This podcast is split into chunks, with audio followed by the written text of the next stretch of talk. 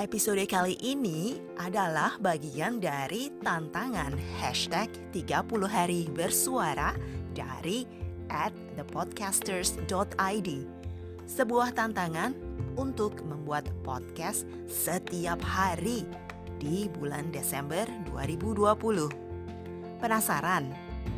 Yuk ikuti dan dengarkan podcast Has To.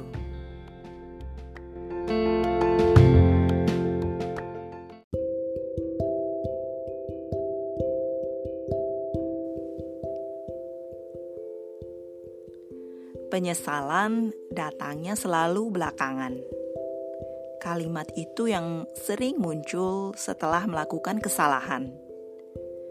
Hal ini yang sering tertanam di dalam benak kita saat masih kecil. Selain itu, ada satu kalimat lagi yang sering terdengar. "Hei, kamu itu salah. Jangan lakukan itu lagi." Kalau tidak, kamu akan kecewa. Memang, berbuat kesalahan dan merasakan kecewa karena kehilangan momen akan menimbulkan banyak penyesalan. Tapi, apakah dengan menyesal dalam waktu lama akan mengobati rasa kecewa itu? Menyesal karena sesuatu dapat dikategorikan sebagai sebuah pengingat. Pengingat kalau kita ingin memperbaiki diri. Memang tidak akan mengulang momen yang telah berakhir, namun akan dapat diambil pelajaran yang membuat kita lebih dewasa lagi dalam menyikapi menghadapi hidup. Seperti saat menghadapi kematian orang terdekat. Seringkali kita menyesal karena tidak bisa menghabiskan waktu dengan mereka. Sering juga lupa karena kesibukan.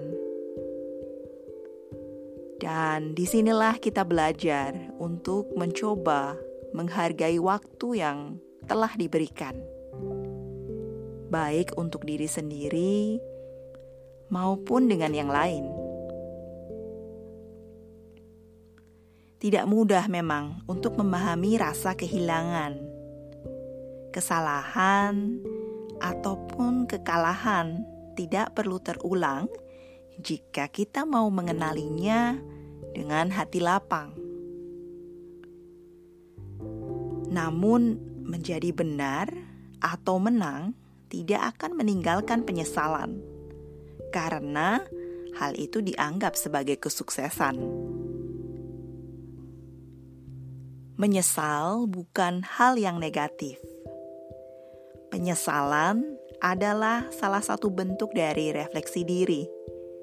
Bagaimana kita bisa dapat menjaga dan meningkatkan kualitas hidup yang dimiliki, baik itu waktu untuk dapat bersama dengan keluarga tercinta, atau waktu untuk bisa mengenali diri sendiri. Boleh mengenal rasa penyesalan, ambil hikmah yang telah dilakukan, dan terus berjalanlah agar dapat memperbaiki kesalahan.